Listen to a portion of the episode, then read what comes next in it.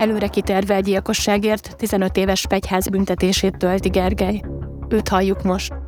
Amikor 2010-ben járunk, akkor ki, ki az ön legjobb barátja? 2010-ben. Tehát amikor ez az egész eset ügy tulajdonképpen eredőjénél vagyunk, akkor, akkor ki az ön legjobb barátja? Hát ez is attól függ, hogy milyen szempontból. De, de összességében én azt tudom mondani, hogy a Krisztián. Az a Krisztián volt Gergely legjobb barátja, akinek a meggyilkolásáért őt ítélték el. Gergőről szól a szerepjátékos gyilkosság most következő epizódja. Gyilkosságról a szerepjátékok bűvöletében. Megsértette a fantázia világ becsület kódexét. Nincsenek közvetlen bizonyítékok, se szemtanú, se nyom. ösztönössége nem zárják ki, hogy bűncselekményeket kövessen el. Köteles a legjobb tudomása szerint az igazat vallani. Bevallották, hogy megöltek valakit. Megölte a Krisztiánt? Nem. Ki kell, hogy derüljön az igazság.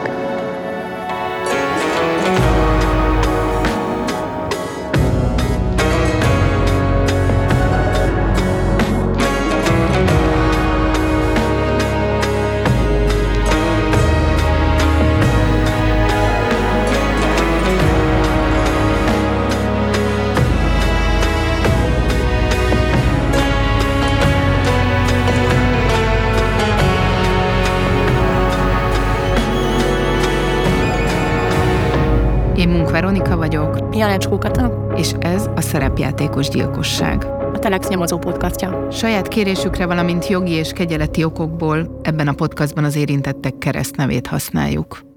Emlékeztetőül az ítélet szerint Krisztiánt, akiről azt gondolták, hogy elárult a barátságukat, Gergely és András több készszúrással megölte. Az ügyben az egyetlen közvetlen bizonyíték a koronatanú Károly vallomása, aki az egyik elítélt András közeli barátja volt. Ami összeköti az áldozatot Krisztiánt, a koronatanút Károlyt, valamint az előre kitervelt gyilkosságért elítélt Andrást és Gergelyt, az a szerepjáték. Ebben az epizódban bemutatjuk az értelmiségi családból származó Gergőt, aki az esemény idején történelem szakos egyetemista és az áldozat legjobb barátja. Szó lesz a poligráfos hazugságvizsgálat eredményéről, továbbá, hogy miért lehet kulcsfontosságú az ügyben a Péterfi kórház ügyeletén ellátott, egy centiméteres, aprócska sérülés Gergő bal kezén. A Pest megyei Mária Nosztrai börtön, ha lehet ilyet mondani, mindközül a legszebb magyarországi börtön. A sápadsárga Ódon épület legrégebbi egységét 1352-ben első Lajos király alatt emelték, pálosrendi kolostorként funkcionált. Aztán az 1948-49-es szabadságharc után elítélteknek alakították át, vasajtókkal, szöges drótokkal, rácsokkal szerelték föl a fegyháznak amúgy is alkalmasnak tűnő, vaskos falakkal épített szigorú tömböt. Itt ülünk most Gergővel. A szerepjátékos gyilkosság egyik elítéltje éppen 15 éves börtönbüntetését tölti. Mellettünk fel-felpillantva halkan géppel a rá, és persze ránk is vigyázó börtönőr. Gergő az egykori legjobb barátjáról, Krisztiáról beszél. Arról a Krisztiáról, akinek a meggyilkolásáért bezárták ide. Pozitív dolgok iránt nagyon könnyen lelkesedő, e, nyitott, konstruktív személyiség, aki e, szellemi dolgok, tudás, filozófia ugyanúgy érdekelték, mint engem, és a szerepjátékban elrejtett ilyen mozaikok voltak azok, ahol először megtaláltuk a közös hangot. Mivel Gergő az áldozat, vagyis akkor még csak eltűnt személyként keresett Krisztián legjobb barátja, nem csoda, hogy ő az egyik legelső tanú, akit kihallgatnak a nyomozók, miután Krisztián eltűnését 2010. április 20-án barátnője Andrea bejelenti a 13. kerületi rendőrkapitányságon. Gergő már hat nappal később ugyanezen a rendőrségen ül egy Tünde nevű törzsőrmesterrel, és azt mondja, Krisztián a feltételezett eltűnése napján nála járt. A vallomását rögzítő jegyzőkönyvből most Gergő olvas fel egy részletet. 1998 őszétől ismerem, azóta folyamatosan tartjuk a kapcsolatot telefonon és személyesen is. Az évek alatt több alkalommal aludt nálam, az eltűnése napján 6 óra 30, 7 óra között jött el hozzám, pár percet beszélgettünk, utána elment. Azt nem mondta, hogy esetleg hazamegy vagy máshová. Én hívtam magammal a közös barátainkhoz Cseperre szerepjátékozni, de megsértődött, mivel nem mentek aznap Perez kasson, így nem jött. Tőlem sértődötten és rossz kedvűen ment el, semmit nem vettem észre rajta, nem volt jele annak, hogy el akar menni, a ruházata aznap farmer csak lehetett, de a többire nem emlékszem. Gergő ezeken az információkon kívül ugyanekkor, tehát Krisztián eltűnése után mindössze kilenc nappal azt is elmondja a rendőrségen, hogy Andrea mellett volt a Krisztiánnak barátnői, hogy korábban a UPC-nél dolgozott, és hogy jelenleg nincs munkája. Teljesen átlagos baráti látogatásnak írja le az eltűnés napi esetet, azzal egészíti ki, hogy szerinte Krisztián megsértődött, és hogy ez szokásos volt nála. Ez az állapot mindig változó volt nála, hogy meddig tart. Általában, ha nem, ha nem úgy történtek a dolgok, ahogy szerette volna, akkor mindig megsértődött. Ez hangzik el ebben a legelső vallomásban. Később aztán a bíróság arra jutott, hogy Gergő nem mond igazat az aznapi terveikkel kapcsolatban.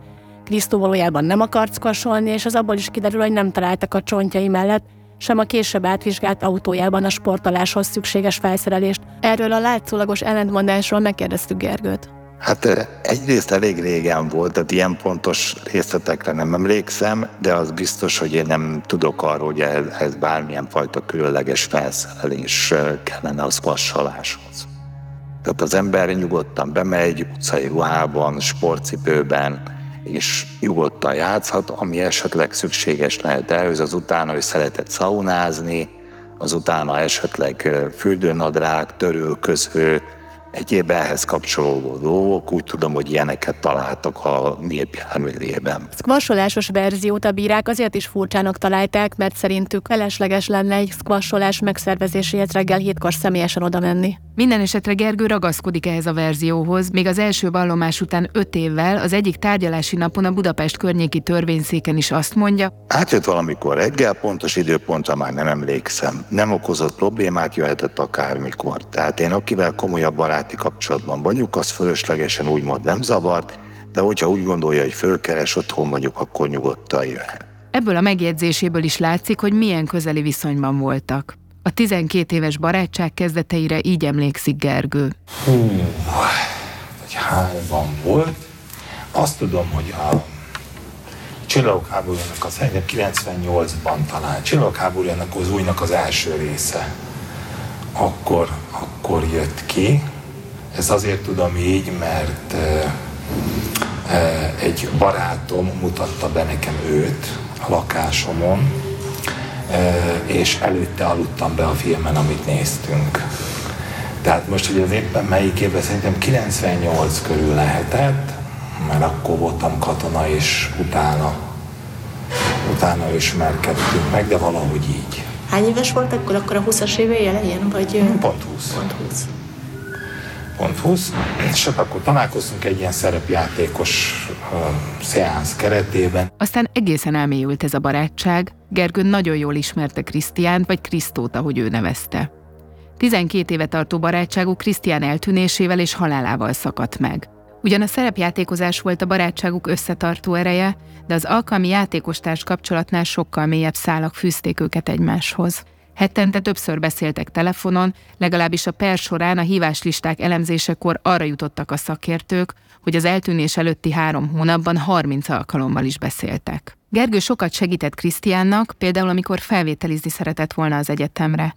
Krisztián Gergőik lakásának a kódjait is ismerte, simán, bármikor felmetett hozzá, beavatta a szerelmi életével kapcsolatos bizalmas sztoriaiba, és jó párszor aludt is Gergőnél, amikor például összeveszett az aktuális barátnőjével. Volt, hogy több ládányi dolgot is tárolt Gergőék viszonylag nagy polgári lakásában, de olyan eset is erőfordult, hogy Gergőnél hagyta a nyelvvizsga bizonyítványát, nehogy elkeveredjen, vagy pénzt adott neki egy borítékban, hogy inkább Gergő vigyázzon rá, mert hogy talán így ő nem veri el. Egy Krisztián számára különösen fontos kolléganője vallomását az iratokból rekonstruáljuk. Amikor még 2008-ban egyszer elment szabadságra, küldött nekem egy e-mailt, hogy ha bármi történne vele, akkor keressem meg a Gergelyt, aki neki a legjobb barátja, és majd ő vigyáz rám.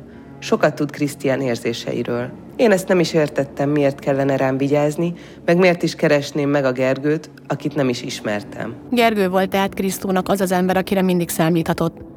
Tragikus ez annak fényében, hogy végül őt ítélték el a meggyilkolásáért. Gergő 32 éves volt, amikor Krisztián eltűnt addig, és egész életében magyar-angol szakos bölcsész édesanyjával élt, sőt, vele is dolgozott. Közösen tartottak fenn egy társasjátékok fejlesztésével és forgalmazásával foglalkozó alapítványt.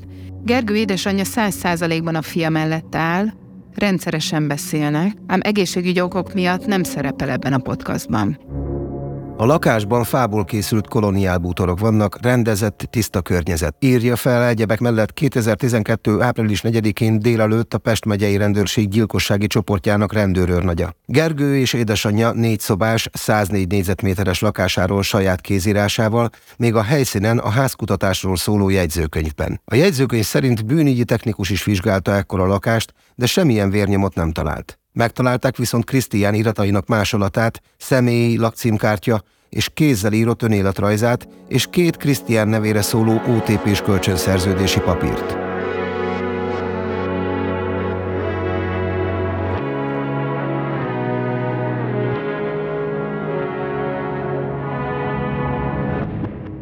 Nagyon érdekes volt a, az iratokban olvasni, hogy a tanúk közül jó páran a Gergőt egy ilyen nagyon elvarázsolt figuraként jellemzik, vagyis egész pontosan olyannak, aki egy nagyon elméleti ember, és az ilyen gyakorlati, evilági dolgok úgy, úgy távol állnak tőle, nem? Igazából ezt még saját maga is elmondta bizonyos szempontból, amikor például arról beszélt, hogy rendszeresen elveszíti a telefonjait. Azért annyira nem vagyok elvarázsolt, hogy ilyen elefántcsontolonyban tudjak csak létezni, de mindenképpen, tehát én úgy gondolom, hogy rendelkezem reális és jó gyakorlati érzékkel több életterületen, ezek közé például a tájékozódás sajnos nem tartozik bele. De abban is biztos vagyok, hogy nagyon sok olyan dolog van, pedig kifejezetten jól e, tudok érvényesülni vagy tevékenykedni, amiben esetleg más kevésbé. Felmerült a a bizonyos április 17-ének a, a, a rekonstruálásánál, hogy miért kellett az Andrásnak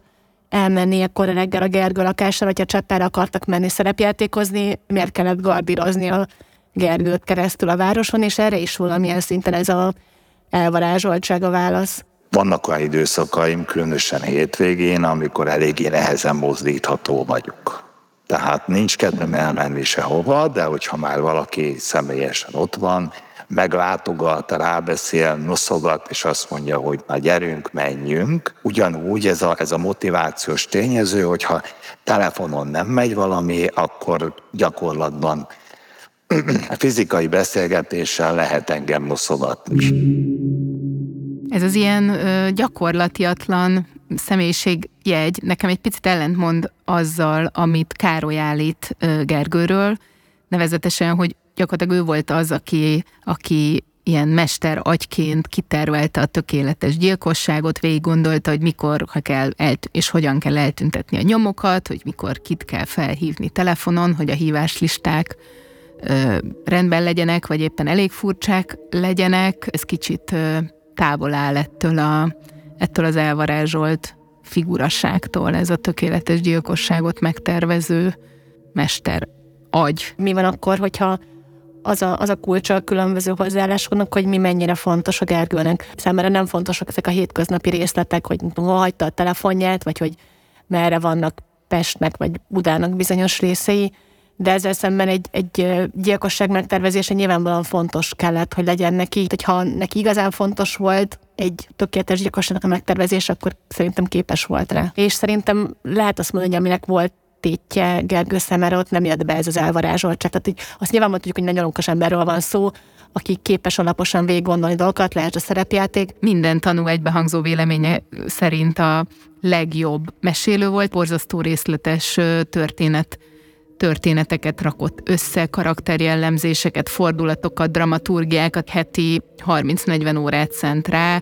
Tényleg képes ő azért struktúrában gondolkozni erősen és tervezni. Most térjünk rá, hogy milyen élete volt Gergőnek. A szülei kisiskolás korában váltak el, a filozófia olasz szakos bölcsész édesapjával nagyon keveset találkozott. Az egyik legerősebb belvárosi gimnáziumban érettségizett, két nyelvből, angolból és németből szerzett nyelvvizsgát, magántanulókat is vállalt oktatóként. Vallomásaiban két felnőttkori hosszabb kapcsolatát említi, az egyikből gyereke is született 2004-ben, akivel viszont szinte egyáltalán nem tartja a kapcsolatot. A másik komolyabb barátnője egy finn, lelkésznek készülő lány volt, akivel távkapcsolatban élt. A gimnázium után Gergő életének fő mozgató rugójává a szerepjátékozás vált. Mint a minden mást, a kapcsolatait és a szerepjátékozás köré, sőt talán annak alárendelve szervezte volna. Édesanyja az egyik tanúvallomásában egyenesen azt mondja róla, hogy lusta és számítógépfüggő. Az egyik szakértői vélemény szerint pedig a szerepjátékozás életmódszerű nála. Szinte mindig mesélő volt, tehát ő alakította a játszott történet alapját, és az ismerősei egybehangzó véleménye szerint nem volt nála jobb mesélő a társaságban. Egy játékos társa vallomását rekonstruáljuk. Szerepjátékos téren nagyon profinak számít. Mindig ő mesél, ő igazítja el a többieket. Az életét 60-70 százalékban áthatja a játék. Ez abban nyilvánul meg, hogy amikor erről beszél, hihetetlen dolgokat tud mesélni, nagyon felkészült, sokat tud beszélni róla, és nagyon élvezetesen adja is elő. Még egy laikus számára is. A játékok előtt leültünk megbeszélni, hogy mi lesz a karakterem, és ez az alak hogy néz ki, milyen ruhában van, és milyen a családi háttere, jelleme, stb. András is kiemelte, mennyire kiváló játékos társ Gergő. Gergő milyen mesélő volt? Ez olyan, mintha azt kérdezte volna, hogy mondani, hogy Mozart milyen zenész. Ez egy nagyon komplex kérdés. Nem teljesen azonos az ízlésünk, de van, vannak benne átfedések. A Gergő inkább a high fantasy-t ö, szereti, ott lépten nyomon szembe jön velünk a mágia. Gergő a szerepjátékozásról nekünk az interjú közben azt mondta, azért tetszett meg neki, mert rengetegféle életet próbálhatott ki. Mi volt az, ami annyira megtetszett a szerepjátékban így rögtön az első kipróbálás után? Hát, hogyha ezt elsőre egy gyermekfejjel össze kellene fogni, én mindig is nagyon szerettem az intellektuális alapú játékokat. Tehát ez, ez társaság, közösség, aztán ugye később, később ez a dolog, dolog másokkal inkább arról szólt, hogy egy életben csak egyfajta dolgot lehet igazán kipróbálni, meg végigvinni. A szerepjáték az lehetőséget ad arra, hogy mint akár a színészeknek is, hogy belebújjanak több szerepkörbe, végigvigyék, és, és egyetemista fejjel pedig itt már a tanulságok voltak a fontosak.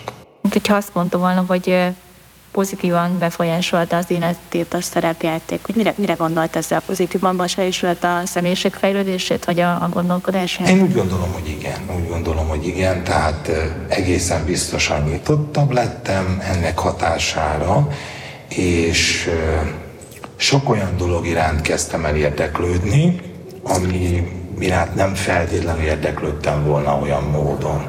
Tehát mondjuk ilyen távol-keleti mondjuk a taoizmusnak a fajtái, vagy, vagy akkor kezdtem el a, a hindu vonalat tanulmányozni, és hát nem, nem tudom, hogy enélkül meg lett volna a vallástörténész irányzat, de biztos, hogy sokat segített. A gimnázium után hotelekben és panziókban dolgozott recepciósként, aztán viszonylag későn, 24 évesen végül elkezdett egyetemre járni, nehezen döntött el, hogy mit is szeretne tanulni pontosan. Járt jogi egyetemi előkészítőre, és aztán röviden a Zsigmond Király Főiskola HR szakára is, ezeket a tanulmányokat mind az édesanyja finanszírozta. Végül a Károli Egyetem történész szakán kötött ki. Mindenféle administratív okokkal és kellemetlen tanárokkal, tehát csak is külső befolyásoló tényezőkkel, nem saját belső okokkal magyarázza, hogy miért járt végül szokatlan módon több mint egy évtizedig egyetemre. Hát a történész pálya az egy kicsit más, más vonal volt, mert ott megállapodtam, e, ha jól emlékszem, végleg negyed évben a latin tanárommal, hogy amíg ő ott tanít, addig én nem fogok tudni végezni. Mi ez a Warner Antal szerű történetnek a mi volt a, mi volt a konfliktus, vagy miért, miért lett... Uh... Fiatal koromban semmilyen fajta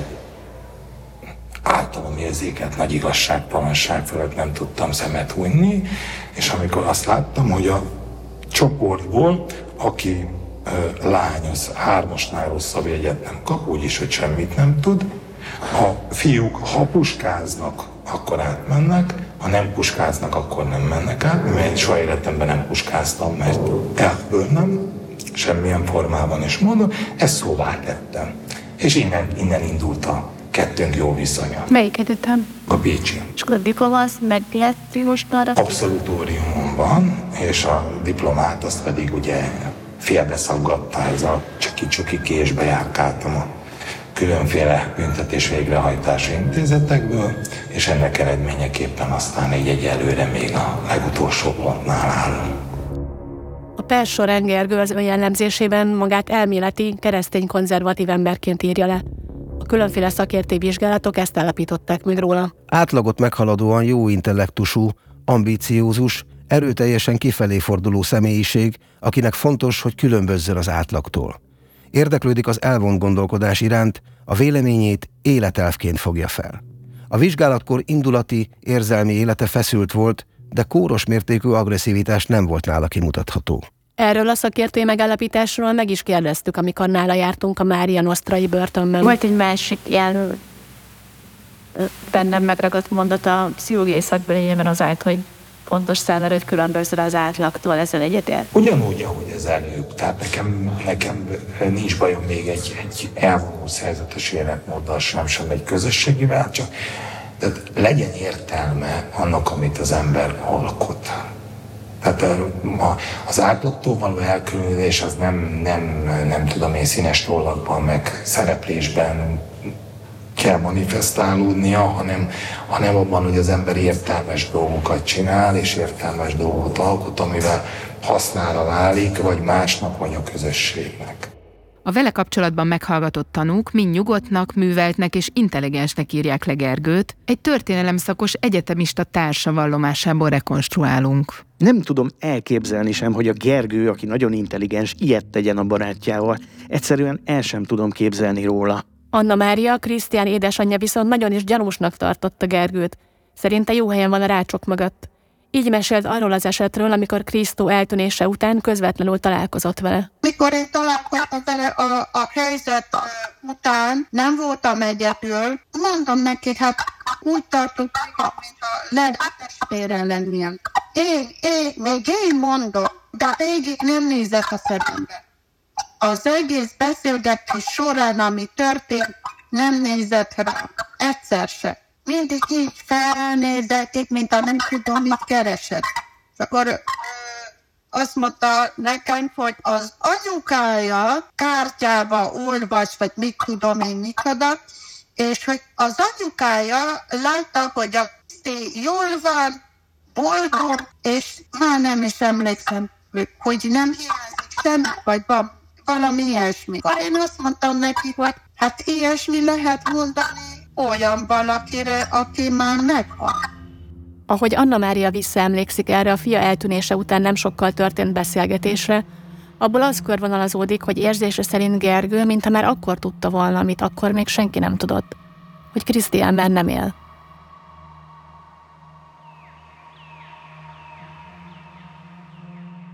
Gergőt Károly műveltnek, intelligensnek írja le. Emlékeztetőül a pszichológus végzettségű Károly volt András, a másik elítélt jó barátja, illetve Gergő szerepjátékos társa, majd pedig az a tanú, aki András korábbi szerelmével jött össze a kulcsfontosságú tanúvallomása előtt, sőt, azóta el is vette őt feleségül. A hangját a kérésére felismerhetetlenné tettük, ehhez mesterséges intelligenciát használtunk.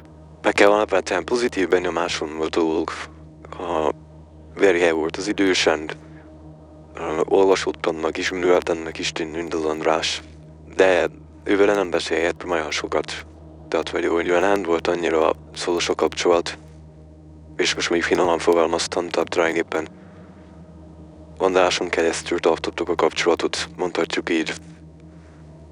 András meg, meg, meg hát egy, egy egy érdeklődő, intelligens fiatal ennek tűnt, tehát gyors és állású volt, sok minden kíváncsi volt, ami, ami, ami én is foglalkoztam, ami az olvasmányénba szerepelt. Aztán az idő előre haladtával teljesen megváltozott Károly pozitív véleménye. Tudtam, hogy vannak ilyen, ilyen ambícióik, hogy ők, ők valakik akarnak venni, pénzt akarnak, meg élhetést akarnak, ami egy részben természetes törekvés is. De, de azóta benyomásom egy kicsit ilyen, ők ugye a homályzónában mozognak. Tehát, hogy ne, nem úgy akarták elképzelni az életüket, hogy, hogy vállalnak egy tisztességes munkát, hogy, hogy felépítenek egy karriert, hanem így idézőjelben vállalkozóként. Károly azt mondja, lassanként rájött, hogy deviáns gondolkodású értékrendű figurákról van szó, akik kriminális cselekményektől sem riadnak vissza, sőt, szerinte András büszke is volt erre a fajta viselkedésére. Az, amit most el tudok mondani, teljesen egyértelműen, hogy a Gergely abszolút képes arra, hogy egy enne hidegmérű gyilkosságát megtervezze, kitalálja, és így rajtsa, és András is képes erre. Károly szerint Gergő korábban más ismerősükről is mondta egy konfliktusnál, hogy meg kellene ölnie. És Károly azt mondja, az ilyen, először csak furcsának és visszatetszőnek látott megnyilvánulások miatt vált, a letartóztatásukkor végképp világossá neki, hogy az emberi élet nem tényező Gergő és András szemében, ha a céljaik eléréséről van szó.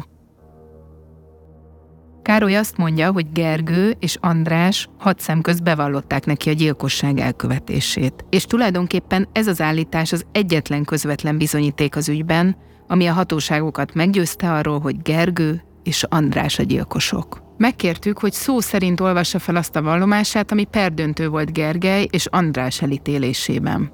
Ennenten a Gergely édesanyjának lakására, ahol hárman voltunk. Ez délután vagy este seli lehetett.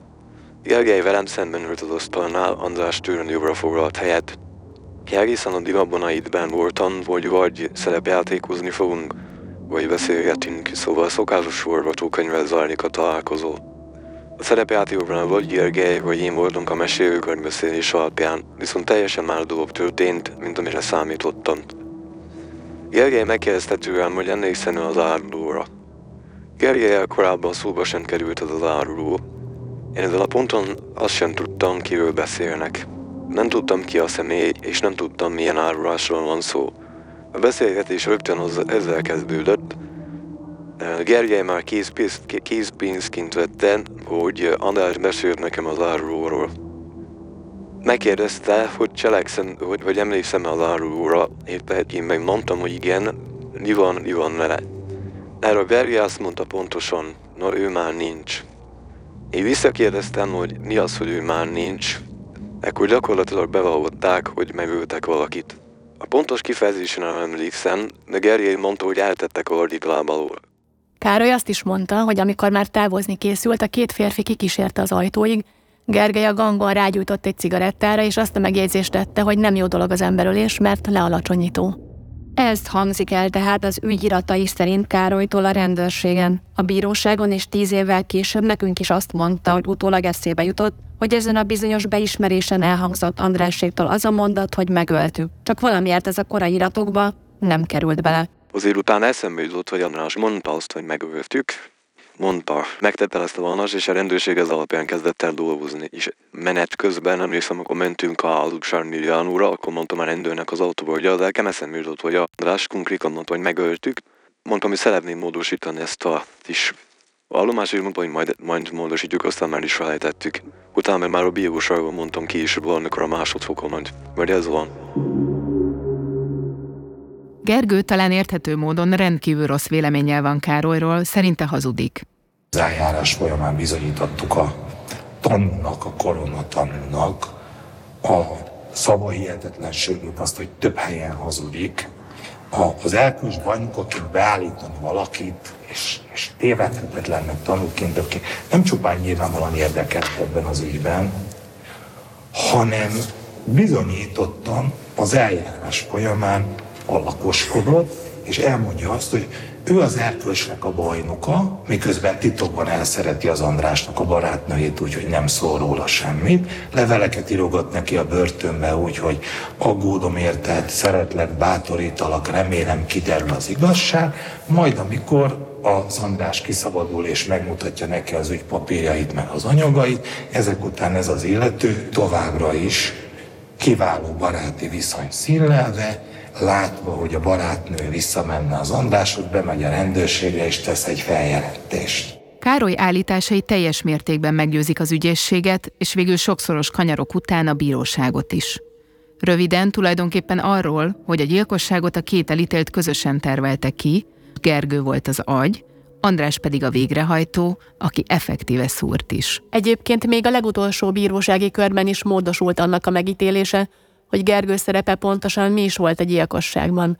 Ő maga is szúrta, vagy sem? A legvégső szó kimondásakor 2022 nyarán az ítélőtábla bűnsegérnek minősítette Gergőt, és erre jutott. Elsőrendű vádlott esetében ugyan tettesi magatartás nem igazolható, de a bűncselekmény elkövetésében játszott szerepe, kitartó és aktív szerepvállalása az elkövetési magatartást ténylegesen kifejtő második rendű vádlottal gyakorlatilag azonos súlyú. Habár Károly vallomása volt az egyetlen közvetlen bizonyíték, és Gergő mindvégig és azóta is következetesen tagadja a gyilkosságot, ellene mégis felmerült két olyan körülmény, közvetett bizonyíték is, ami erősen abba az irányba tolta a hatóságokat, hogy ő és András gyilkosok.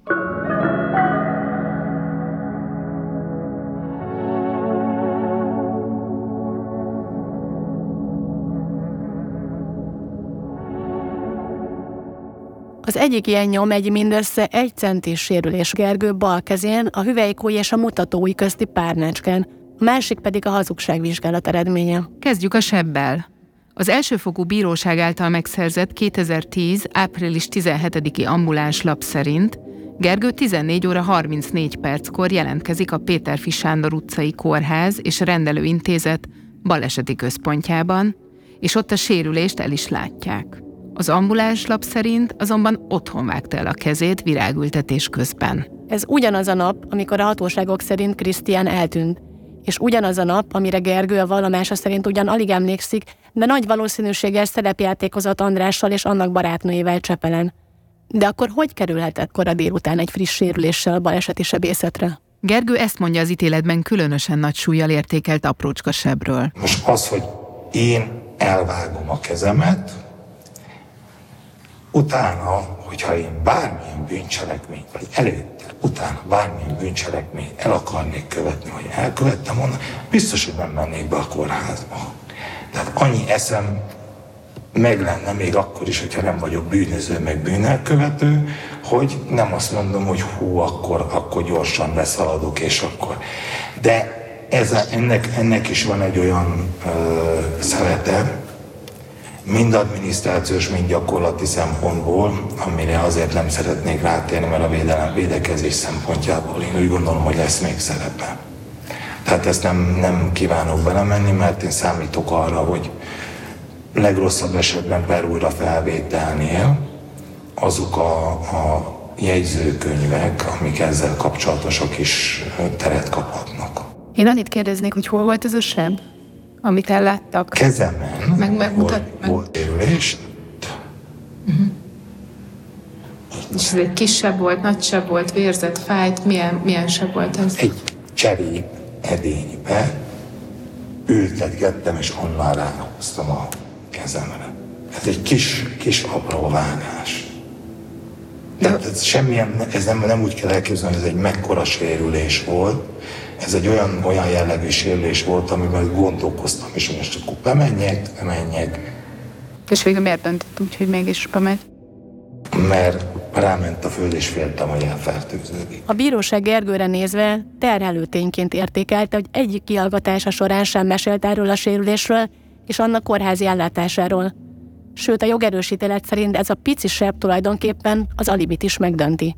Az ítélet így fogalmaz. A sérüléssel kapcsolatban a másodfokú bíróság rámutat arra, hogy az ellátás időpontja egyértelműen megdönti a vádlottak előadását, miszerint a közös szerepjáték délutánig tartott, és azon mindketten részt vettek. Ez sérülésről egyáltalán nem tett említést, a sértett eltűnése utáni első kihallgatáskor 2010. április 26. napján sem, amikor még az eseményekhez közeli időpontban bizonyosan kellett emlékeznie rá. Amennyiben tényként rögzítjük, hogy a készsérülése a cselekmény elkövetésének napján 2010. április 17-én nem szerepjáték, nem vacsorakészítés és nem virágültetés közben keletkezett, illetve figyelembe vesszük, hogy az orvos szakértő szerint éllel rendelkező eszköztől keletkezhetett, illetve arról a vádlottak tudatosan a védekezési taktika részeként hallgattak, következtetés vonható arra, hogy az elsőrendű vádlott készsérülését a cselekménnyel összefüggően szerezte. Az ítélőtábla álláspontja szerint az nem állapítható meg kétséget kizáró módon ítéleti bizonyossággal, hogy a készsérülés az elkövetés során, vagy azt követően például a holttest elrejtése során keletkezette. Dr. Nisóci József Levente, az ügyben eljáró főügyészség osztályvezető ügyésze meséli, hogyan szerzett egyáltalán a bíróság tudomást Gergő sérüléséről. Az ő védekezésük abban állt, hogy ők Csepelen tartózkodtak, illetve késő délutánig ott voltak. Csak aztán az első, elsőfokú eljárásban eljáró bírónak volt egy olyan megérzése, meglátása, hogy ha és amennyiben a sértett, akiről mindenki tudta, hogy konditerembe járt és jókötésű fiatalember volt, ha a sértettet megtámadja valaki késsel, tehát relatív testközelből nem messziről lövi le, akkor elképzelhető, hogy védekezett. És ha védekezett, akkor elképzelhető, hogy a védekezés során az ő támadóknak esetleg sérülést is okozott. És akkor nem csak az elsőrendű vádlott vonatkozásában, hanem a másodrendű vonatkozásában is lekérte a, a, a Nemzeti ö, Egészségügyi ö, Központi adatokat, tehát a NEAK adatait, és ezt az elkövetők nem tudhatták, hogy 2009-től ezek az adatok rögzítésre kerülnek a számítógépes rendszerbe, ez egy 2010-es elkövetés.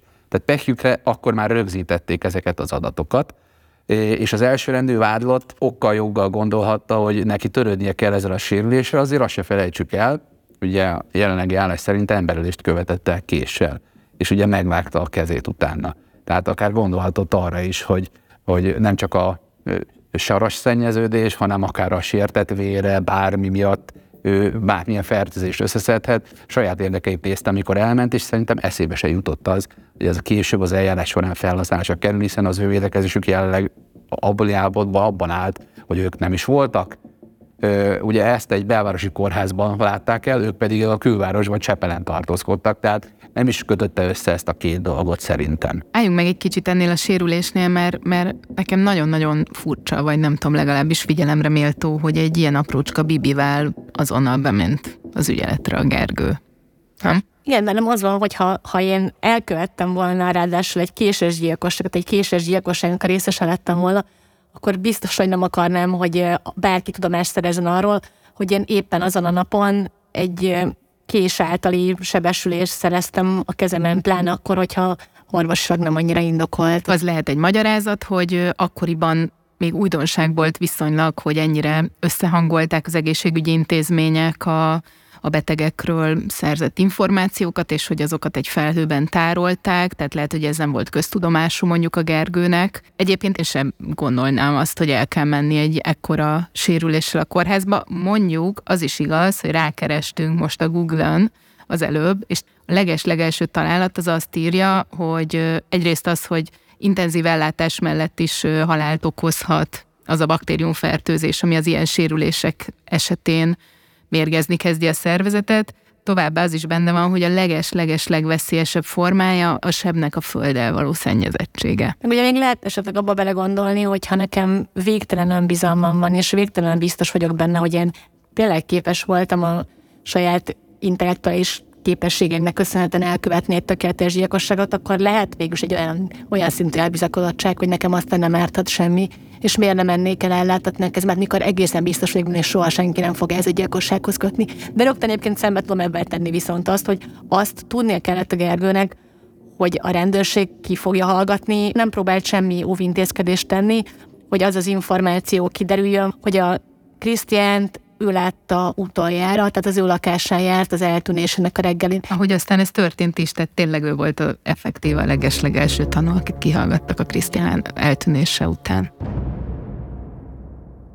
Az ügytől független, egybehangzó vélemények szerint az ország egyik legfelkészültebb igazságügyi orvos szakértőjétől, dr. Kovács Gábortól igyekeztünk minél többet megtudni Gergely sebéről. Ő kizárólag általánosságban beszélt nekünk az ilyen típusú sérülésekről és ellátásukról. Kovács Gábor igazságügyi orvosszakértő vagyok, tanszékvezető egyetemi tanár, a Győri Széchenyi István Egyetemen a bűnügyi tudományok tanszékét vezetem. És milyen gyakran kérdezik Önt gyilkossági ügyekben szakértőként? Hát erre külön statisztikát nem vezettem. 25 éve vagyok igazságügyi orvosszakértő, nagyjából 15 ezer ügybe adtam szakértői véleményt, hogy ebből mennyi volt az emberülési ügy, azt pontosan nem tudom. Ez a kérdésem, hogy, hogy a bal kéznek az első új, tehát a mutatói és a hüvelykúj közötti hüvelykúj párnától induló apróbb körülbelül egy centiméteres metszett seb, az mennyire vérzik? Ó, hát ezt még ha a saját élettapasztalatainkat vesszük alapul, konyhai ténykedések, kisebb-nagyobb vágott, metszett sérülések, akkor pontosan tudjuk, hogy ez nagyon egyedi dolog. Másik, ami, ami szintén általános élettapasztalat, hogy a kisvérzés is nagyon nagynak tud tűnni, hogyha sok papír zsebkendővel vagy gézzel itatjuk föl, és akkor óriási mennyiségű vérzésnek észleljük, és a valóságban az jóval kevesebb. Tehát a vér és a vérzés mennyiségi becslése az nagyon szubjektív tud lenni, de nagyon eltér az orvosi megítélése ennek. Tehát erre azt mondja egy orvos, hogy jelentéktelen. Tehát egy ilyen sérülésből származó vérzés az orvosi értelemben jelentéktelen. Ez a típusú sérülés, amit említettem, ön szerint olyan sérülése, amivel elmegy az ember a kórházba, és, és hogy milyen kockázatot jelent, ha mondjuk nem megyek el egy, van egy ilyen sérülésem, és nem megyek el egy tetanusz beadatni ezzel. Mit kockáztató? Tulajdonképpen ez megint nagyon-nagyon széles spektrumon mozog, hogy az embereknek mekkora a toleranciájuk. Mind a fájdalom, mind a sérülés iránti tolerancia, mint mondtam, orvosi értelemben ez tulajdonképpen kvázi jelentéktelen sérülés, attól függene egyébként ennek a, az adott sérülésnek a megítélése, hogy az orvosi ellátás során mit igényel. Tehát például varratot igényelte, bőrvaratot vagy izomvaratot is igényel, tehát hogy mennyire volt mély maga a sérülés. Ez alapján pontosabban meg lehetne esetleg ítélni azt, hogy most ez a bizonyos általam most nem ismert kérdéses sérülés, ez, ez milyen, de összességében azt lehet mondani, hogy nem feltétlenül teszi szükségessé az orvosi ellátást. Tehát van, aki ezzel orvoshoz megy, egy két új közötti akár vágott, akár metszett sérülésről van szó, van, aki meg egyszerűen nem megy vele orvoshoz. A tetanusz oltás az általában akkor szükséges, hogyha tudottan földelszennyezett, vagy, vagy akár rozsdás eszközzel történt a sérülés, abban az esetben mindenképpen indokoltnak szokták tartani az ügyeleti ellátás keretében a, a tetanusz oltást. Ennyit lehet még hozzátenni. Tehát Károly terhelő vallomása után ez az aprócska, orvosi szemmel jelentéktelensebb volt az első, erősen terhelő közvetett bizonyíték Gergőre nézve. A másik a poligráf.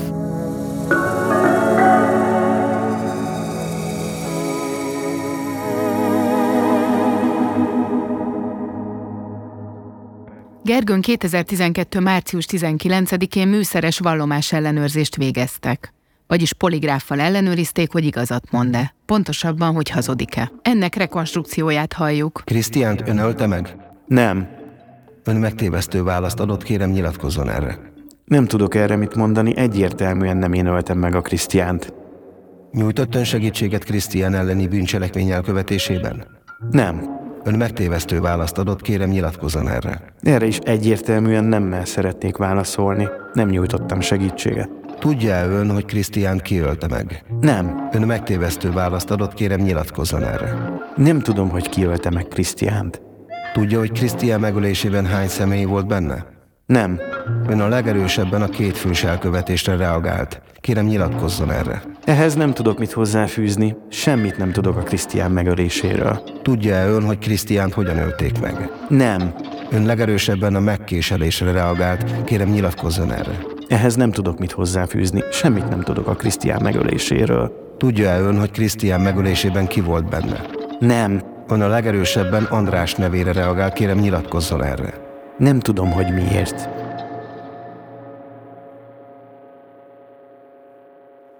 A végső elmarasztaló ítélet összefoglalóan erről a vizsgálatról így fogalmaz. Elsőrendű vádlott esetében a műszeres vallomás ellenőrzés vizsgálatának eredménye szerint megtévesztő választ adott a Krisztiánt önölte meg, nyújtotta segítséget a Krisztián elleni bűncselekmény elkövetésében, tudja-e, hogy Krisztiánt kiölte meg kérdésekre, illetve a feszültség tesztben legerősebb reakciót a két fős megkéselték, illetve az Andrással való elkövetésre regisztráltak. A jogi szaknyelvet magyarra fordítva mindez azt jelenti, hogy Gergő a hazugság vizsgálaton megbukott. Érdekes módon a per egy korábbi szakaszában a legelső eljárásban eljáró bíróság nem fogadta el a poligráf eredményét bizonyítéknak. Igaz, az is tény, hogy Gergőjék hosszúra nyúlt ügye alatt egyébként változott is Magyarországon a poligráf eljárásbeli státuszára vonatkozó szabályozás. Habár a filmekben sokszor a hazugságvizsgálat a kulcsa minden rejtély megoldásának, de a valóságban ez nagyon nem így van.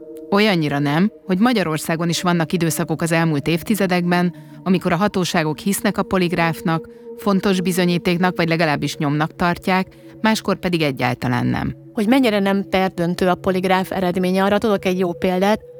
Az egyik olyan bíró, aki Andrást és Gergőt bűnösnek találta, egy másik emberölés ügyben felmentette azt a vádlottat, aki Gergőhöz hasonlóan ugyanúgy megbukott a poligráffal. Az ítélet is kimondja, hogy pusztán a hazugság vizsgáló alapján nem lehet megállapítani, hogy Gergő az egyik tettes. Ez a bizonyítási cselekmény a már meglévő bizonyítási eszközből származó bizonyító tény hitelességének, meggyőző erejének vizsgálatát segíti elő, de közvetlenül nem alkalmas annak megállapítására, hogy az elsőrendű vádlott tettesi magatartást fejtett ki. Ennek ellenére komoly súlyjal vették figyelembe a vizsgálat eredményét, még a végső ítéletben is felemlegetik, hogy három kérdésre adott válasznál is jeleztek a műszerek olyan fiziológiás reakciókat, amik Gergő hazugságára utalnak. De milyen is pontosan a poligráfus vizsgálat? Mennyire megbízhatóak az eredményei? Nekem, meg gondolom meg még sok millió hozzám hasonlónak a világon az egyik példaképem, vagy inkább hősöm John Douglas, az FBI profilozó legendája, akiről a Mindhunter mit rejt a gyilkos agyan sorozat főszereplőjét is mintázták.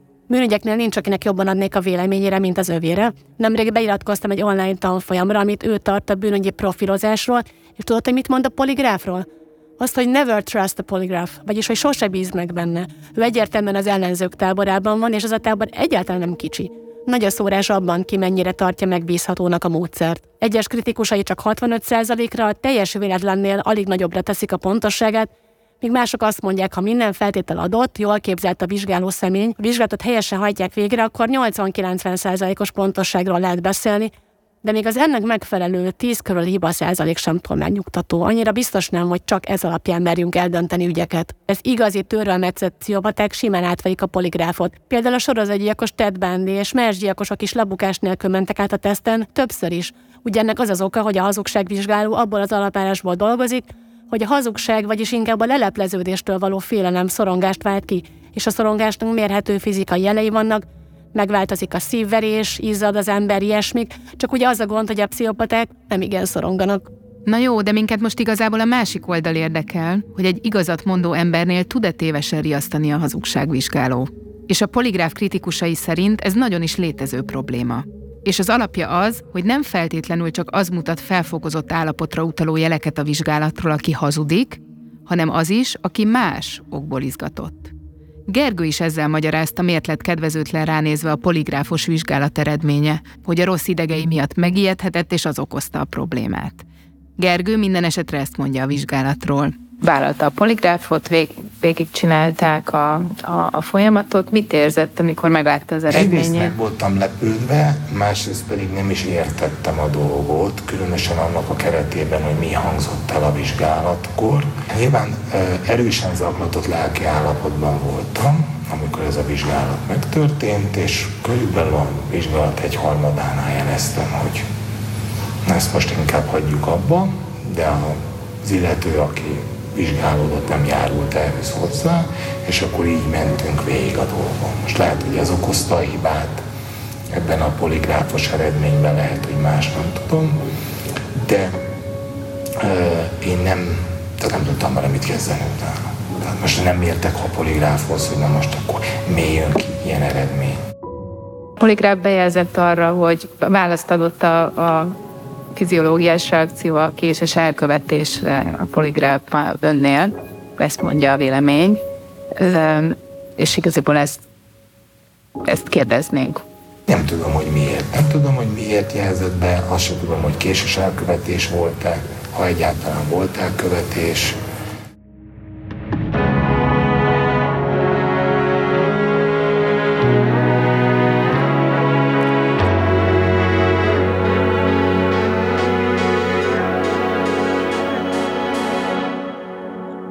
Gergő tehát a mai napig állítja egy koncepciós per áldozata.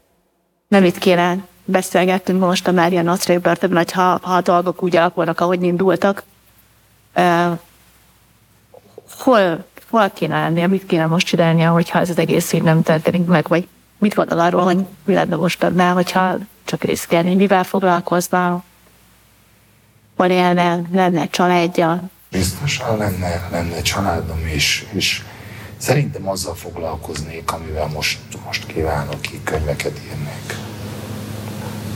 Tehát szerintem írással. Történelmi könyveket, vagy filozófiai könyveket, regényeket? A regényeket, és azon belül is a szerepjátékhoz kapcsolódó könyveket, illetve komolyat. Tehát komolyabbat. A következő epizódban Andrással foglalkozunk, és szó lesz a gyilkos fegyver témájáról is. Én Janecskó Kata vagyok. Én pedig Munk Veronika. És ez a szerepjátékos gyilkosság a Telex nyomozó podcastja. Hamarosan jövünk a következő epizóddal.